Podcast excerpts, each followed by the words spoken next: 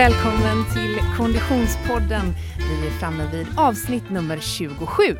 Jag som pratar heter Frida Zetterström och vid min sida den alltid lika vältränade Oskar Olsson. Tjena! Oj, hej! Tack, tack, tack. Jag var det inte läge? beredd på den fina komplimangen. Hur är läget? Jo, det är bara bra.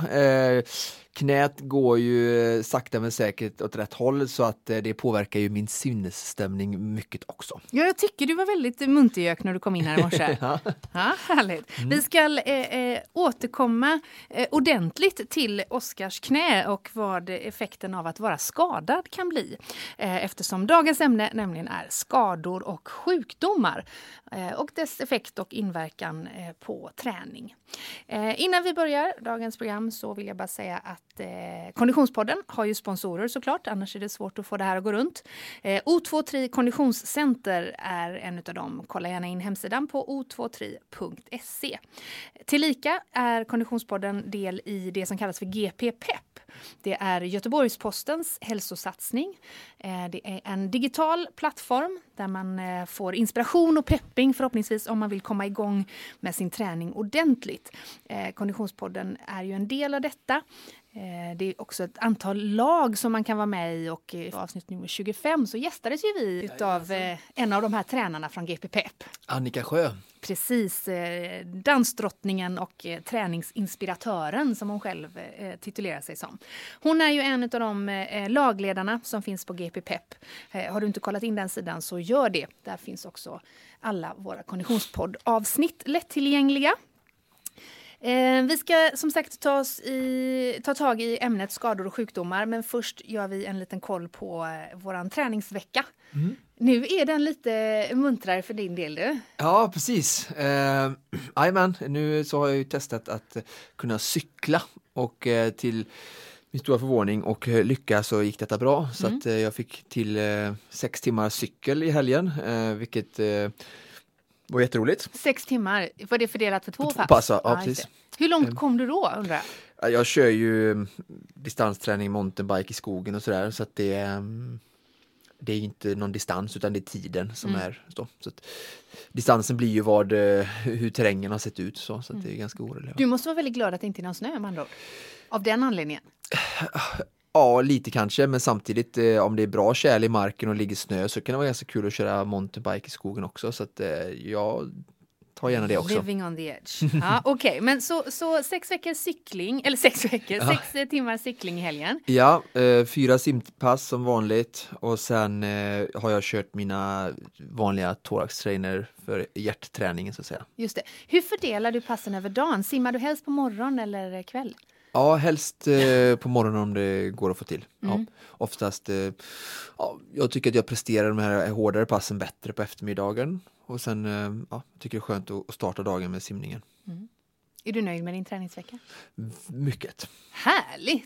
Gud, Så nu är vi på gång här igen. Låter bra. Mm. Eh, och det leder ju mig osökt in på min träningsvecka. Och eh, jag kanske inte, inte med samma svung säger att jag är nöjd med min träningsvecka. Eh, Förra eh, veckan var det ju ett pass som du fick till bra, ett roddpass. Ja. Och hur har du bräckt det här? jag, nej, jag håller mig där och jag har ju mina ursäkter. Eh, eh, men jag körde då, jag gick ut hårt i alla fall. Nej, det gjorde jag inte. Men jag körde ett pass på gymmet, ett eh, CX Works, en eh, fredag morgon var det då. Eh, vi släppte ju förra avsnittet på en torsdag och på fredag morgon då körde jag eh, CX Works. Och för den som inte eh, är bevandrad i just den benämningen som mitt gym jobbar med så handlar det om ett, framförallt ett core-pass i 30 minuter. Jag var helt död efteråt kan jag hälsa. Eh, och sen så gav jag mig huvudstupa in i Mellocirkusen. Där eh, eh, jag har ett uppdrag att göra en webb-tv-serie kring Mello. Vilket ju då eh, fullständigt tog kål på denna lekamen och själ. Ja. Ja, så att eh, det var det. Ja.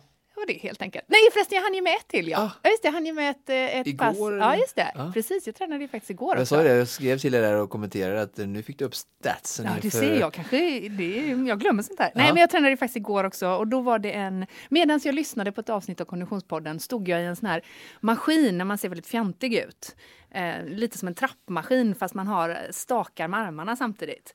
Eh, mm, körde jag 40 minuter, eh, relativt hög puls. Så det var väl okej okay då, eller? Ja, mycket bra. Tack så mycket.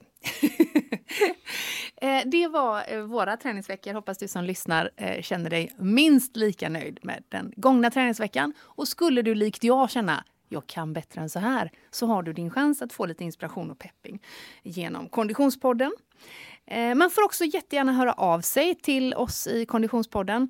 Eh, ett enkelt sätt är att klicka in på Facebook där vi heter Konditionspodden eller Instagram där vi också heter Konditionspodden, väldigt pedagogiskt, och skicka sin fråga.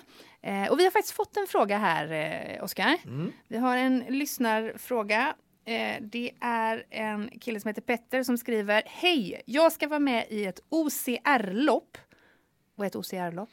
Uh, Obstacle Course Racing. Just så att, det. det är ju sådana här man springer i hinderbanor. Det brukar ju vara vanligen tror jag mellan 5 och 8 kilometer, de här toughest och toughest eh, Viking. De, de är väl leriga oftast? Precis. Härligt.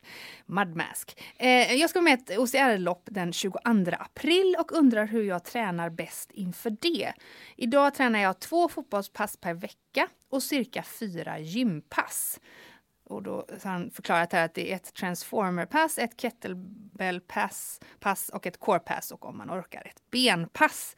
Vad säger du Oskar? Hur, hur ska Petter utveckla sin träning för att, att vara fit for fight den 22 april i UCR? Ja, um jag med risk att bli lite långrandig här eller som säga, förlåt, upprepande. Ah så pratade vi ju förra gången om intervallträning med Annika Sjö och då är jag ju, eftersom jag är mm, prestationsinriktad både i min egen träning men även när jag jobbar med mina kunder, att vi vill få resultat och jag lägger upp träningsprogram och sådär, så, så utgår vi alltid från ett mål och ett syfte. Mm, men här jag är nog ändå syftet. Ja precis, eh, och jag tycker om att jobba på det, absolut. Ja. Jag, jag tycker om att jobba efter det. Men jag vet ju inte riktigt hur eh, alltså ambitionen i, i, i detta så att säga. Jag vågar gissa att den är rätt hög. Ja, och då spontant vill man ju utan att förstöra, alltså man har ju aspekter som eh, glädje och sånt där som är viktigt i livet. Mm. Men två stycken fotbollspass blir ju kanske eh, lite mycket eh, om man har höga målsättningar för OCR utan man behöver ju kanske träna lite mer specifik kanske kondition och löpning. Eh, eftersom man, man springer ju mycket eh, mer, alltså mer ett jämnt tempo ändå under ett så lång tid. Det är inte 5-8 mm. kilometer, det är ganska långt liksom att springa. Eh, under match så blir det ännu mer explosivitet. Och Exakt. Det är inte så att man ska liksom jaga allt man kan emellan hindren för att då kan man dra på sig mjölksyra och då behöver man stanna och vila. I mm. fotboll kan man göra mycket ruscher. Yeah. Sen kan man stå och vänta en stund och så får man återhämtning så det är lite annan karaktär där. Eh, gympasserna är ju väldigt många och det är ju bra. Eh, jag skulle säga att gympassen, om vi kollar på dem, så skulle man vilja ha kanske ett av dem skulle kanske vara klättring. Att man går till ett klättercenter i Göteborg mm. och utvecklar sin liksom greppförmåga. Ja, smidighet, absolut. Och även greppförmåga då, för mycket i OCR-loppen nu handlar det om att kunna greppa och lyfta sin egen vikt. Ja. Sen så är det ju jättebra att ha ett gympass av de här fyra som är högintensivt, där man jobbar kanske med sådana typer av övningar som Annika Sjö hade i sin förra bok, där med liksom lite lättare vikter, konditionsbaserat med, med styrka och funktionella vikter. Mm. Och sen vill man ha, eh, om det är under grundträning så vill man ju, nu är detta ganska inte så långt kvar, så att den perioden där man ska träna tung styrka kanske är liksom passerad. Eh, så då skulle ett annat gympass kunna vara och det är det jag kanske saknar här, att det är ett mer tävlingsspecifikt. Alltså när vi pratar om träningsupplägg för alla typer av idrottare så ju närmare säsongen de kommer, skidåkare, eh, friidrottare, eh, löpare, allting, så försöker man liksom göra det mer tävlingslikt. Och då skulle man antingen söka upp någon typ av hinderbana i Göteborg där man kan träna ute och sådär och det finns även eh, någonting som heter Bunken vet jag, där de har mm, hinderbanor mm. inne. Eh, men det, och man kan även göra en hinderbana ute eh, för sig själv, eh, där det finns ett utegym kanske, mm. där man varvar då övningar med egna kroppen som chins, man kan göra burpees, eh, upphopp, eh, vanliga upphopp eller upphopp på en, någon bänk eller hoppa över och krypa under ett träd mm. jättemycket, kanske en minut. Mm. Sen springer du två minuter, kommer tillbaka, gör en annan övning.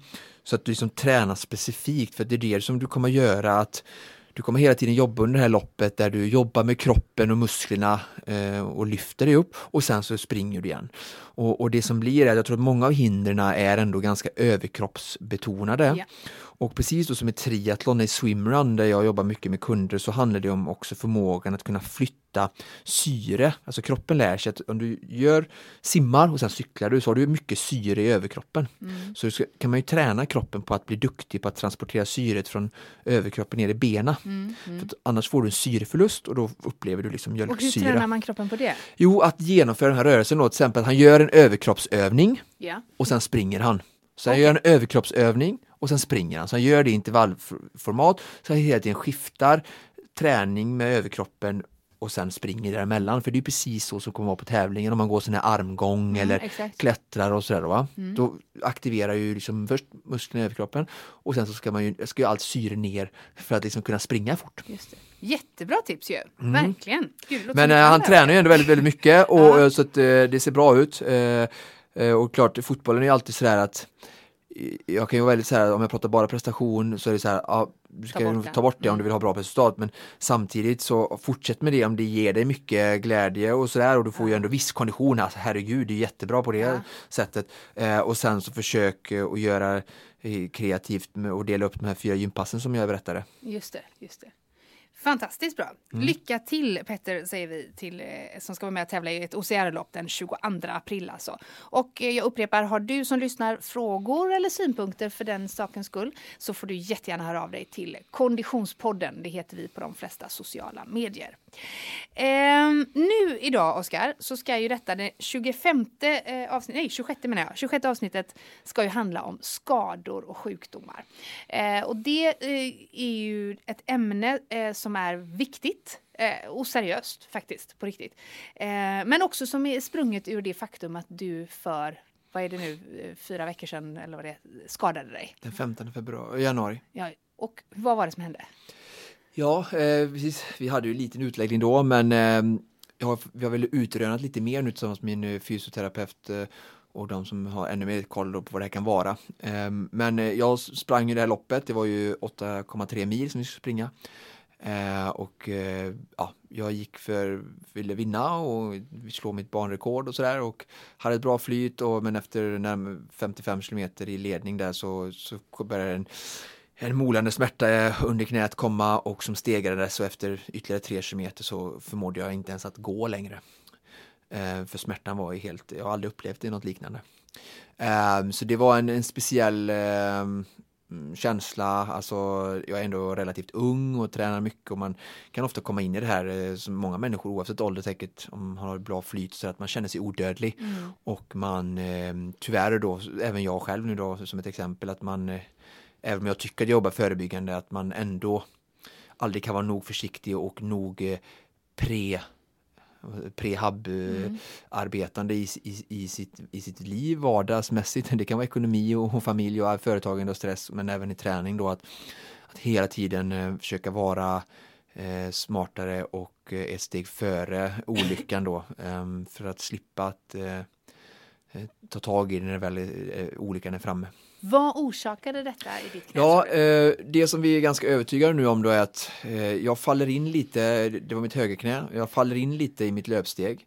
Eh, det är en sån här liten, en sån extremt liten grej som för en vanlig människa det skulle aldrig, aldrig kommit, hade aldrig hänt. Nej. För att hon eller han kanske inte utsätter kroppen för de extrema belastningarna och de Nej. höga farterna och, och under sådana långa, tim många timmar. Um, så att um, det är en väldigt liten grej men så fort man pressar kroppen på sitt max så, blir sådana här saker väldigt mycket mer märkbara och uh, risken ökar för att det händer någonting. Så att man tror att jag faller in väldigt lite i mitt löpsteg inåt höger. Ja. Vilket gör att om man, om man tänker att man står upp och så faller man in lite med insidan av foten mm. då får jag också vinkling på knät. Exakt. Och det finns en, man pratar om en Q-vinkel på utsidan eh, av, av knäleden där som blir, den vinkeln blir liksom lite fel. Mm. Eh, och eh, det har irriterat och skapat en inflammation i min ledkapsel. Yeah. Huvudet på ledkapseln då som sitter strax snett nedanför till höger om, om knäskålen. Eh, och eh, när man trycker och känner och sådär så, så, känner man att det är extremt ömt och rörligheten där är mycket sämre på senan ovanför än på min vänster sida. Um, så att, uh, och ja, man har vi har varit på behandling några gånger nu och man känner och klämmer så känns det som att uh, ja, men det verkligen är det. Och uh, i då att jag gör den här felaktiga belastningen lite, för att jag är lite då klen i min i fotvalvet eller insidan av foten och faller igenom. Så, så, så, i kombination då med det här loppet, hög hastighet, så hade jag även ett par relativt nya skor mm. från min sponsor och de kanske inte var de kanske inte var gjorda egentligen för att springa så hårt med det kärlet och så långt för att det var inte så mycket dämpning. Men samtidigt är det ju då den här prestationsbiten hela tiden som lever in i honom att man vill ha de bästa skot, skorna för, för bra fäste för det var ju kärl och, och is. Vilket jag hade väldigt bra fördel mot mina konkurrenter upplevde jag när jag väl sprang ihop med dem. Eh, men lite för lite belastning, alltså med dämpning Sport, i skorna. Ja. Och så det här kärlet då liksom pang, pang, pang, det här poundadet liksom ja. hela tiden då. Och så kombination med att jag lite belastar fel då så, så, så räckte det för att uh, skapa den här överbelastningen okay. kan man ja. kalla det för. Och nu har du haft då ett antal veckor utav eh, eh, annan form av träning där du inte har belastat knät. Eh, det här är ett litet sidospår i ämnet men det är ändå intressant. Hur har det påverkat dig mentalt under den här perioden? Oerhört. Um, och ännu mer nu när jag tror att jag tror att många kan relatera till detta men eftersom det är träningen efter lägger så många timmar varje vecka så blir det ju en ännu större effekt och mm. påverkan såklart men jag tror att många kan relatera till liknande att när de har varit så här, jättesjuka, haft influensa och feber och sen mm. så blir de friska så, så, just då efter sjukdomen så är de så, så, så, så tacksamma tror jag mm. att man så bara shit alltså att vara frisk, alltså bara, bara slippa vara sjuk, alltså frånvaron från sjukdom är så så himla befriande. Eh, befriande och härligt alltså, och man blir så tacksam på något sätt att mm. shit att och, och in, sen så går man ju bort och så glömmer man bort det där hur det är och så kanske man slarvar med eh, sömn, hygien och, och allting mm. sånt där så blir man sjuk igen. Eh, och så blir man påminn precis efter man har tillfrisknat igen att åh vad skönt det är att få vara frisk. Och vi glömmer nog det ibland och, och man behöver hela tiden bli påminn om det för att hela tiden tror jag jobba, som jag sa, pre, proaktivt heter det väl va? Eh, både gällande alltså sjukdom, alltså att inte bli sjuk av eh, smittor och sånt där, mm. men även att inte då bli skadad eller gå in i väggen som människor gör nu. Alltså det blir allt vanligare i, i det samhället vi lever i. Och, och kanske också bra för respekten för de som har eh, situationer och sjukdomar som de inte kan påverka. Verkligen så, väldigt. Eh, vi, vi, pratade i förra eh, avsnittet om intervallträning och eh, ett utav de eh, eh, problemen eller riskerna med intervallträning som du och Annika Sjö då nämnde var just skaderisken. Om man kanske eh, har eh, inte haft sin mest aktiva och fysiska period bakom sig och så börjar man köra stenhårt. Och att du flaggade just för risken för skador där. Eh, vad, vad, vad ska man tänka på tycker du för att undvika skador där? Mm. Eh, det är ju det här lite också, här, jag skulle säga att det här är en svår sak då som, som det forskas mycket på men man hittar aldrig eh, någon, man vill leta efter generella regler och när det mm. gäller belastning just då i, i relation med återhämtningen. Och eh, det är så himla individuellt för att det finns så många olika saker som belastar kroppens system i vardagen förutom träningen så att det är så svårt att säga. Men min huvuduppgift som, som ehm, Ehm, som träningsrådgivare och när jag jobbar som personlig coach med människors upplägg och så här, det är som min huvuduppgift skulle jag säga, det är att verkligen hit, göra rätt prioriteringar i ett redan stressigt schema med arbete, karriär och familj mm. och hjälpa dem att hitta när man ska vila och när man ska träna, vad man ska träna, hur man ska träna för att få det maximala av det man sätter in. Mm. Det är lite som att eh, ha någon som hjälper en att investera pengar i fonder för att få så bra avkastning. Jag har en miljon kronor nu, jag vann på miljonlotteriet till exempel. Att mm. någon har gjort. Grattis! Ja, precis. eh, så, så kan man ju få den miljonen att växa på olika sätt yeah. med olika kunskap och då kan man ta extern hjälp eh, där man investerar den så att först försvinner lite pengar av den här miljonen men sen så kanske den liksom två år senare har blivit 1,8 miljoner och mm. fått en bra avkastning. Och så är det med träning också. Och eh, beroende på säkert som när man investerar pengar, beroende på vilka branscher och vad man gör så finns det liksom olika saker som påverkar och samma sak med träning så, så finns det beroende på vilken person det är med, med olika livssituationer så mm. finns det mm. olika saker som påverkar eh, återhämtning och återuppbyggnaden. Då. Att, ja, man kan in... tänka att det, det, det, det, är en stor risk att lägga allt på rött på ett snurr. Precis. Det är en stor risk att, att, gå ut stenhårt. Ja, och jag tror att eh, det vi ska verkligen fokusera på idag som jag pratat förut så har jag försökt jobba med den här, eh, den här um, bilden um, med en skål med massa bollar i mm. um, som lätt kan bli full. Mm. Och Alltså att åka handla, att laga mat, att städa, hämta barnen, byta blöjor, mm. Eh, träna, stressa på jobbet, vara orolig för nästa, vara orolig för den privata ekonomin. Mm. Alltså alla de här sakerna är små bollar som läggs i den här skålen mm. som påverkar återhämtningstiden. Mm. Och ju fler sådana bollar, ju mer, alltså mer tid behöver du ha mellan de hårda passen för att återhämta. Och om du inte tar hänsyn till detta så är det väldigt lätt att man blir utbränd eh, eller alltså, då menar inte jag kanske utbränd som man slutar jobba men att man är, kanske tappar träningslusten, motivationen yeah. och sånt där för att man har kört systemet för hårt. Mm. Eh, så att vi måste bli bättre anser jag att eh, ha en helhetsförståelse på alla de här faktorerna som faktiskt spelar in. Det är inte mm. bara träning som belastar systemet utan att, att du stressar iväg till tåget, mm. att du sitter i trafiken och kör för fort, och du är bråttom.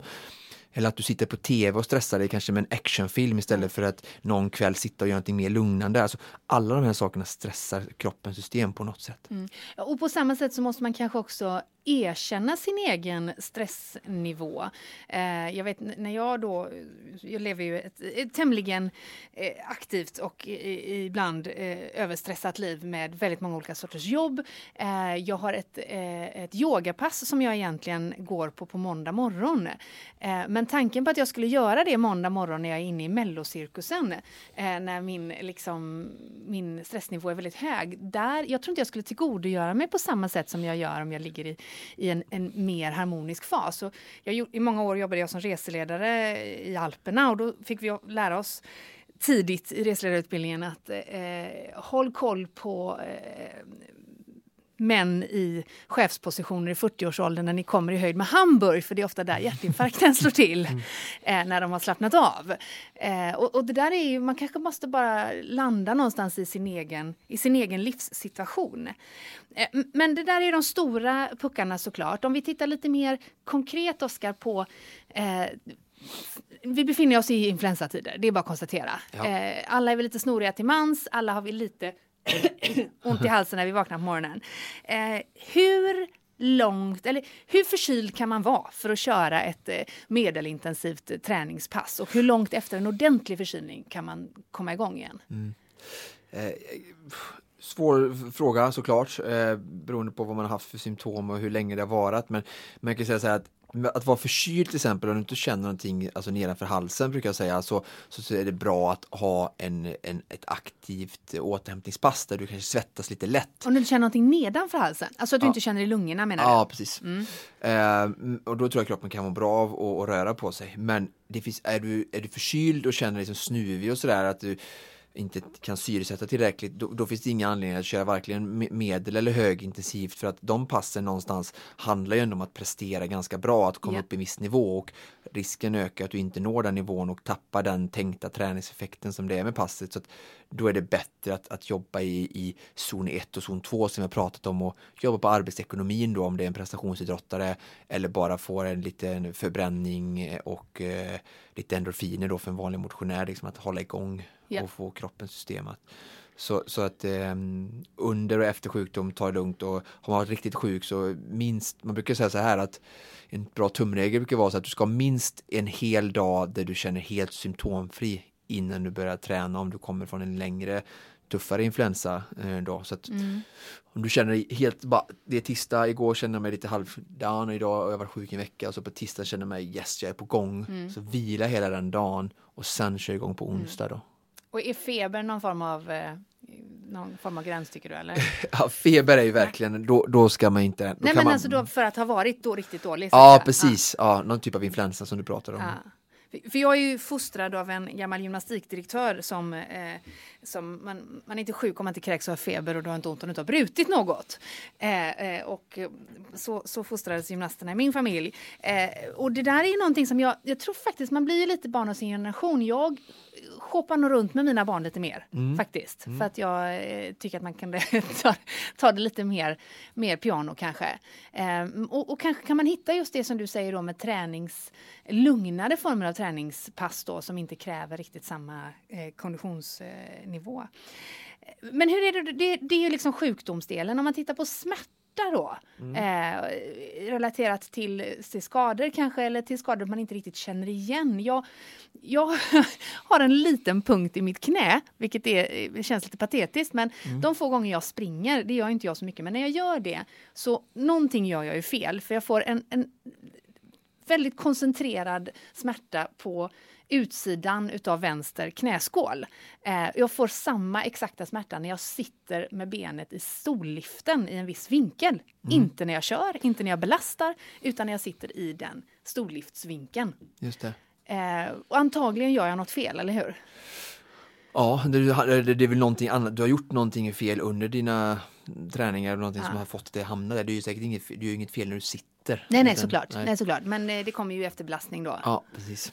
Och det är jättesvårt utan att veta någonting Ja. vad, vad du har gjort. Eh, Men eh, som sagt, som jag sa, den här skadan jag har, alltså mycket saker går att härleda till att det är någon typ av överbelastning och ofta så kommer överbelastning ifrån felbelastning. Just det. Alltså jag har ju då på grund av en, en defekt eller vad man en svaghet i min högerfot Ja. belastat knät fel för det har liksom fallit in någon millimeter hela tiden i varje och Gör du många löppass varje vecka under flera Ja. månader, under flera år så, så till slut så kommer ju kroppen säga ifrån. Ja. Men hur ska man lära sig känna igen den smärta som kommer ifrån från det, alltså felbelastning eller sånt som kan korrigeras och smärta utav att det är jävligt jobbigt och det gör ont nu? Ja. Ehm, jag tycker att jag kan känna skillnad på när det är farligt ont och när det är liksom jobbigt ont. Så Vad är det du letar efter då? Nej, men alltså, för jag upplever, alltså, men det, när det inte är farligt så är det mer av en, en upplevd muskeltrötthet Ja. som man kan liksom ha upplevt när man har tränat sådär. När det är ont, ont så är det mer tycker jag en ilande smärta som liksom inte går bort eh, och den liksom ofta så kan den öka och ehm, ja, jag tycker att jag kan känna det. Mm.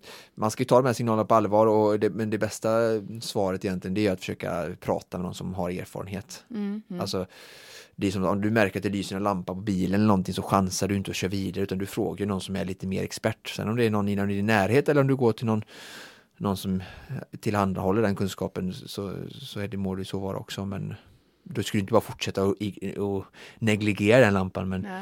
kroppen är vi inte lika snäll mot som vi är mot våra bilar. Hur mycket, eh, du följer ju forskningsrön eh, eh, frekvent och ihärdigt. Hur, hur mycket skulle du säga är nytt på liksom, kunskapsmarknaden om vad man gör? Till exempel om man har, inte vet jag, trampat snett. Om vi tar något enkelt, alltså vrickat eller stukat eh, foten eh, man har varit ute och, och sprungit i skogen. Eh, hur, mycket, hur mycket kan man påverka läkningsprocessen? Ja, men jag tycker där tycker jag att eh, det har väl inte så mycket med, eller det är klart att forskningen bidrar i det, men jag tycker framförallt att vi är, har blivit bättre och bättre på att liksom jobba med ett förebyggande eh, arbetssätt, att man verkligen försöker se vad är orsaken och varför uppstod detta? Men det kan, det kan jag förstå, och det är ju en sida. eh, Mm. Ja, är det blir ju samma sak att i, i rehaben så blir det också det då att man försöker behandla det med att stärka upp det som var svagt. Just det. Eh, och då kan man ju påverka återhämtnings eh, från skadan väldigt mycket. Eh, förut kanske man sa så här, ah, du vila och så ät Voltaren eller liksom Min tränare sa till mig, sätt foten i iskallt vatten, sätt, sätt foten i jättevarmt vatten. Iskallt, jättevarmt. Ah. Så höll min gymnastiktränare på. Ja. Eh, för att vi skulle då, och då skulle det rensa ut slaggprodukter tror Ja. jag, eller öka blodcirkulationen var ju naturligtvis grunden. Och det finns ju jätte, jättetydlig forskning på och det hade jag tänkt, faktiskt tänkt komma in på sen. Så det har ju med de här återhämtningsstrategierna vi ska prata om och det är ju väldigt bra. Var det så alltså? Ja, fast det är ju tror mer... mest han eh, bara ville tortera Ja. oss. Nej jag Nej. skojar bara. Men okej, ja. Det är faktiskt jätteintressant Ja. är faktiskt det du pratar om. Men om det, har ju, det har ju mer med återhämtningsstrategier som sagt att göra och det du pratar om nu är skador Ja. som kommer från felbelastningar vilket jag skulle säga är 95% av alla skador är någon typ av felbelastning, att man har gjort någonting fel. Det är inte så att det, det kommer bara. Eh, och som många andra sjukdomar i, i världen så, så är det mycket alltså, livsstilsrelaterat som man säger. Och, Jo fast trampar man snett så trampar man ju snett. Absolut, men anledningen till att man trappade snett eh, kan ju också vara för att man var klen någonstans i kroppen, alltså du var klen Jo. i foten eller du, var, du, du har slarvat med styrkan. Jag menar, jag trampar väldigt sällan eh, snett och jag springer mycket sådana här liksom, eh, trail-lopp och swimmer och sånt där och jag har Mm. många andra som, som springer eh, som inte är det, men de är inte så starka i fotleden som jag är för jag anser att inte att de kanske har gjort hemläxan ordentligt då. Så att, Eh, trampar man snett så finns det också säkert en orsak och då, då kanske det handlar om att om du ska fortsätta belasta foten på det sättet så måste du jobba mer med fotledsstyrka och balans och, och koordination för att inte hamna där igen. Mm. Så att, jag är väldigt så liksom att det finns oftast eh, en orsak eh, till det mesta som händer här mm. i livet. Mm. jag tror inte på ödet om man säger så. Nej, nej, nej, nej men det är bra. Det är bra. Eh, om vi tittar då på, på eh, återhämtningsstrategier som du mm. kallar dem. Eh, varmt kallt vatten på stukad gymnastikvrist kallar jag dem. Mm. Vad va, va, va har vi då? Jo, eh, då brukar man dela in i två kategorier. Det ena är fysiologiska mm. och det andra är psykologiska eller pedagogiska. Eh, om vi börjar med det mer då eh, handfasta, eh, konkreta, fysiologiska så har vi ju eh, första delen som är ganska viktig eh, som börjar kanske efter passet det är ju ehm, eh, kost och vätska. Yeah. Och då är det ju ja, viktigt att fylla på med energi efter passet och innan passet och sådär. Um, alltså återhämtning av liksom glykogenlager men även liksom att, att bygga upp muskel, musklerna igen så, så, krävs det liksom tillgång till bra energi. Ja. Och eh, mycket forskning nu också har faktiskt sett att man får en mycket bättre återhämtning. Alltså det har varit mycket fokus nu, jag vet inte om du ser på att det står om skyltar och gjort en kommersiell grej av eh, gram protein. Och man har ju tagit det av forskningen att du behöver så här många gram protein ungefär och så marknadsför de det på produkterna. Men nu har man också sett liksom att du kan få mycket bättre återhämtning om du har rätt kvalitet på proteinet. Vilket såklart är. Liksom. Alltså, går Bananas du till... are for monkeys. Ja, precis. Mycket ja. bra. Och, och, alltså, det är ju det här, alltså, det, det, är så roligt att vi kan bli lurade ibland. Vi köper någon billig återhämtningsdryck eller någonting från något märke eh, som det kostar billigt och vi köper det bara för att det står ett antal gram. Men jag menar, samma sak, men om du ska anlita en snickare mm. så, så vill du kanske ha en referens, du tar någon som du, du träffar din väninna på en middag och så sa hon så här, vi var jättenöjda med Hanssons bygg för de gjorde jättebra jobb och så, så får du en typ av referens, så får du ett bra, de är väldigt duktiga och noggranna, de har hållit på många år och, och ser på sitt jobb med stolthet och gör det bra. Sen finns det sådana som är mindre bra mm. och då kommer liksom alltså resultatet i ditt nya rum kommer bli därefter. Mm.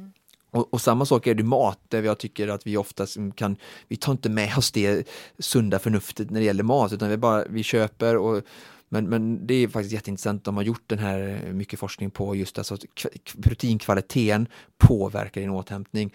Och, och, och min, min, min då, mitt tips eller min, min rekommendation utåt är ju att det är viktigt med eh, protein innan och mm. även efter. Och, och därför behöver du, du behöver, kontentan, du behöver en sund och bra kosthållning alltså hela veckan eh, där du äter Eh, med, med, bra kvalitet. Ja, förlåt, jag sitter och skrattar för jag sitter tänker att jag igår då körde, körde mitt eh, 40 minuter relativt hög eh, puls konditionspass och därefter så åt jag korv stroganoff med vispgrädde i och ett, drack ett glas Amarone. Tycker du att den återhämtningen funkade? Ja. Is that working out for you? Ja, precis. Ja, I alla fall, det var trevligt. Det, det är ingen fara, enskilda mat, sådär, utan det var en som, lyssnar på detta behöver helt enkelt ransaka sig. Ja. Och jag utmanar er och säger så här att eh, ja, ni kan ju göra en perfekt vecka nu efter ni har lyssnat på det här avsnittet, men eh, försök att alltid bakåtdatera och skriva upp vad åt ni till frukost, lunch, middag, eh, förra måndagen, förra mm. tisdagen, förra onsdagen och så skriv upp det på ett papper. Mm. Om ni kan liksom försöka erinra er. Kan ni inte ens erinra er så kanske ni är ett tecken på att ni inte ens har någon koll på vad ni äter. Och kan ni erinra er så kan jag lova att den listan för många är ganska en ögonöppnare och lite skrämmande sådär att man verkligen sätter sig ner och reflekterar bara shit, ja, det här var kanske inte det bästa. Kvaliteten då, vi pratar om kvalitet idag för att vi vill, för det vi pratar om är ju att vi vill optimera vår återhämtning. Varför vill vi göra det? Jo, men på samma sätt som att vi vill optimera den insatsen vi hade när vi gjorde till exempel Annika Sjös intervaller i boken, mm, mm. så vill vi ju optimera vår, det, alltså, det passet blir en investering mm. av våran tid, av våran svett och energi och tårar. Mm. Eh, precis som om vi tog den här miljonen vi hade vunnit och investerat så vill vi få så mycket avkastning som möjligt. Men om vi lägger massa tid på de här intervallträningspasserna och så gör vi dåliga återhämtningsstrategier där den första delen vi pratar om nu är kost och vätska att vi slarvar med proteinkvaliteten i det här fallet då, som är väldigt viktig för återuppbyggnad eh, så blir det liksom väldigt dålig avkastning. Då får vi 1,1 miljoner istället för 1,8 och det vill ju Ehm, ingen ha. Nej, Nej. precis. Och behöver man lite inspiration på just den delen så kan vi rekommendera eh, avsnitt 22 tror jag det var, Lost, in Cost. Lost Lost, kost. Lost in Cost. Eh, där vi eh, gottar ner oss lite grann i eh, just maten. Men okej, så... Mm. Eh, eh, det är första delen, kost och vätska. och, och även om jag vet att du hatar att göra generella tips, om vi ändå gör det, så att man kört ett pass på gymmet. Vi tar mitt eh, 40 minuters konditionspass igår kväll. Mm. Bortsett från korv stroganoff och rödvin, vad, vad, inom vilken tid skulle jag ha käkat för att, att maximera? Eh, Tiden är inte jätteviktig. Jag skulle säga inom en timme skulle jag ändå säga. Eh, Men har du ätit bra innan, Ja, det har jag inte. nej, då är det, blir det ännu viktigare. Ja. För då har du väldigt låga depåer när du redan startar passet. Precis. Så då blir det, har du ätit lite innan, ännu viktigare efteråt. Eh, men inom en timme skulle jag säga. Eh, men det man ändå ser är att vad har du att tillgå i kroppen? Ja. Så det, det som är mitt tips är inte exakt vad du äter efteråt utan det du ska ha en samlad bra kvalitet över fem måltider om dagen, sju dagar i veckan. Mm. Om du har det någorlunda, någorlunda sådär så, så får du en bra effekt av din träning. Men fylla på med vätska är också fokus såklart Absolut, när man har svettats vatten, ja, verkligen. Men det är den Eh, ena ja, återhämtningsstrategin. Nästa då, eh, vi pratar mycket om, eh, som också är liksom då eh, eh, fysiologisk, är sömn och vila. Ja. Eh, sömnen, eh, det finns fyra olika stadier man pratar om. REM-sömnen är den, den ytligaste och sen går det igenom till REM3 där vi får mest återhämtning. Eh, de här, man brukar prata om alltså 7 till 9 eh, timmars sömn per natt. Men det man har sett på senare tid nu då är att det är hur um, hur ehm, kvaliteten på sömnen, precis som vi pratade om kvaliteten på proteinerna. Så att någon som ligger och sover nio timmar men med inte så bra kvalitet, går upp och kissar mycket, ehm, har kanske ätit mycket precis innan hon eller han lägger sig så att det stör sömnen med matsmältningen, man får inte, kommer inte ner i djupsömnen, man ligger dåligt, det är mycket ljus och ljud i rummet eller saker som stör sömnkvaliteten helt enkelt. eh, kan ha mycket sämre återhämtning än någon som sover sju timmar väldigt effektivt. Och då menar jag alltså att det är bra temperatur i rummet, det är inte för varmt, det är inte för kallt, man har kanske ett skönt duntäcke. Eh, eh, man, eh, alltså, Eller annan kvalitet om man inte gillar dun. Ja, precis, ja, ja, jag menar eh, något, någonting som gör att man känner sig liksom lugn och harmonisk, det är en fin bra säng, eh, man blir inte, man har inte liksom telefonen på ljudlös eller flight mode och ja, man sover helt enkelt sju timmar och man kommer in i drömstadie och drömmer och man kommer liksom det, det, så att kvaliteten på sömnen är, en- har man sett en jättestor effekt då. Så att, att prioritera och göra att sömnen, det är inte bara liksom nu la jag mig klockan tio utan hur sover du också? Mm. Hur, hur många timmar so sover du per natt, Oskar? Jag skulle faktiskt säga att jag är nog ganska bra på att få sju timmar. Eh, Nu har jag ju en, en ny eh, individ i familjen, men jag har en fantastisk sambo som eh, jag, jag tycker vi har hittat sånt många vanor med för hur ska du klara detta nu och sådär. Men jag tycker vi har ett sånt häftigt eh, teamwork eh, där, där jag sköter eh, handling, matlagning, städning och den biten. Och sen jobbar jag ju väldigt mycket och Carolina mm, tar hand om Filip på natten och på dagarna och sådär. Då, så, att, så att jag är stark och orkar liksom sköta om. Så, så. så att jag är väldigt tacksam och så jag får faktiskt nästan alltid Eh, sju timmars eh, bra kvalitetssömn. Så att, eh, ja, jag är väldigt tacksam för det. Man kan ju faktiskt öva, eh, öva upp sin sömnförmåga. Eh, men det kanske vi, ska, vi kanske får eh, återkomma till sömn i ett annat program. Ja, sömn är ju ett väldigt mycket ämne som forskat jättemycket på för det är ju intressant för, för hela världen och det, även om man inte är i träningsvärlden så att det finns jättemycket intressanta saker där och folk som är mycket mer kunniga än vad jag är. Eh, Jag har ju bara liksom touchat lite på ytan. Men ja, men oavsett någonting som är väldigt viktigt och det är återigen då som jag brukar säga och gillar att prata med Konditionspodden att man tittar på forskning och man tittar på elit.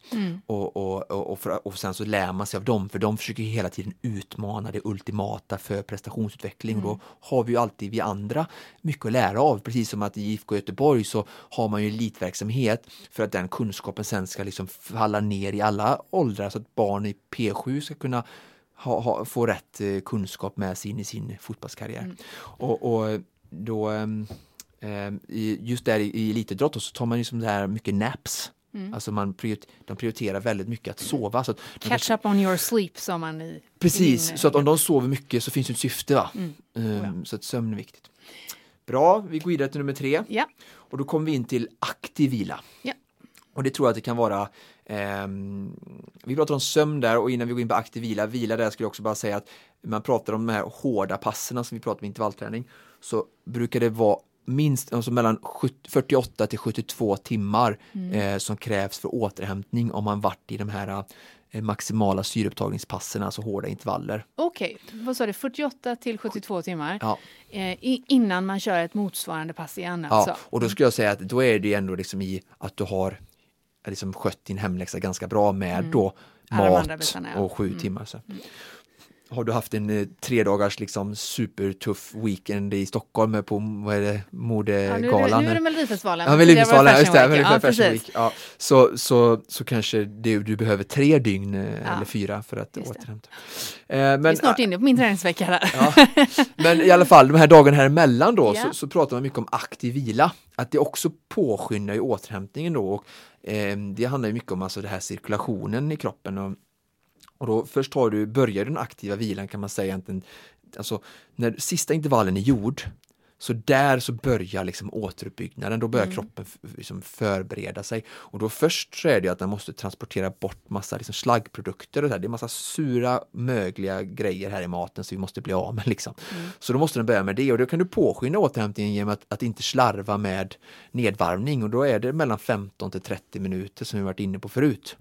Så att det måste, Åh, där, den här är jag dålig på. Precis, och det är liksom, där börjar du din återhämtningsstrategi. Ja. Och sen fortsätter den och sen mellan passen då, eh, som vi hade tittarfrågan här då, att han kört ett hårt gympass kanske, så är det bättre för honom att ta en lång promenad eller ta en lätt jogg eller cykla på sin vilodag för att vara alltså, i aktiv vila.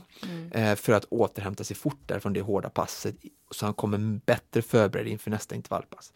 Och då brukar man prata om att då ska man ligga ungefär 60% under sitt maximala syreupptag och då behöver man ju ta reda på sitt syreupptag. 60% under sitt maximala syreupptag. Mm. Och då sa jag att det måste man ju göra sådana tester för att veta Just vad det, det, är. Så det, det. kan vi tyvärr inte gå in på mer. Men Nej. de som, som har gjort sin maximala syreupptagningstest, de kan ju använda sig av den här siffran. Ja. Och om man inte har gjort det, hur skulle man kunna hitta den eh, nivån ungefär? Om man Ja, kan ta en 60, fingervisning. ta, håll dig under 60% av din maxpuls. Under 60 i maxpuls. Ja, bra. Har du Perfekt. 200 eh, i puls så gå inte över eh, 120 utan håll dig under 120. Mm, perfekt. Ehm, sen så har vi den, eh, den eh, sista delen här som vi ska prata om i, i fysiologiska och det är ju rörlighet och stretchning. Ja. Och det är också en väldigt viktig sak för att hålla, alltså öka återhämtningen och även för att hålla sig fri från skador då.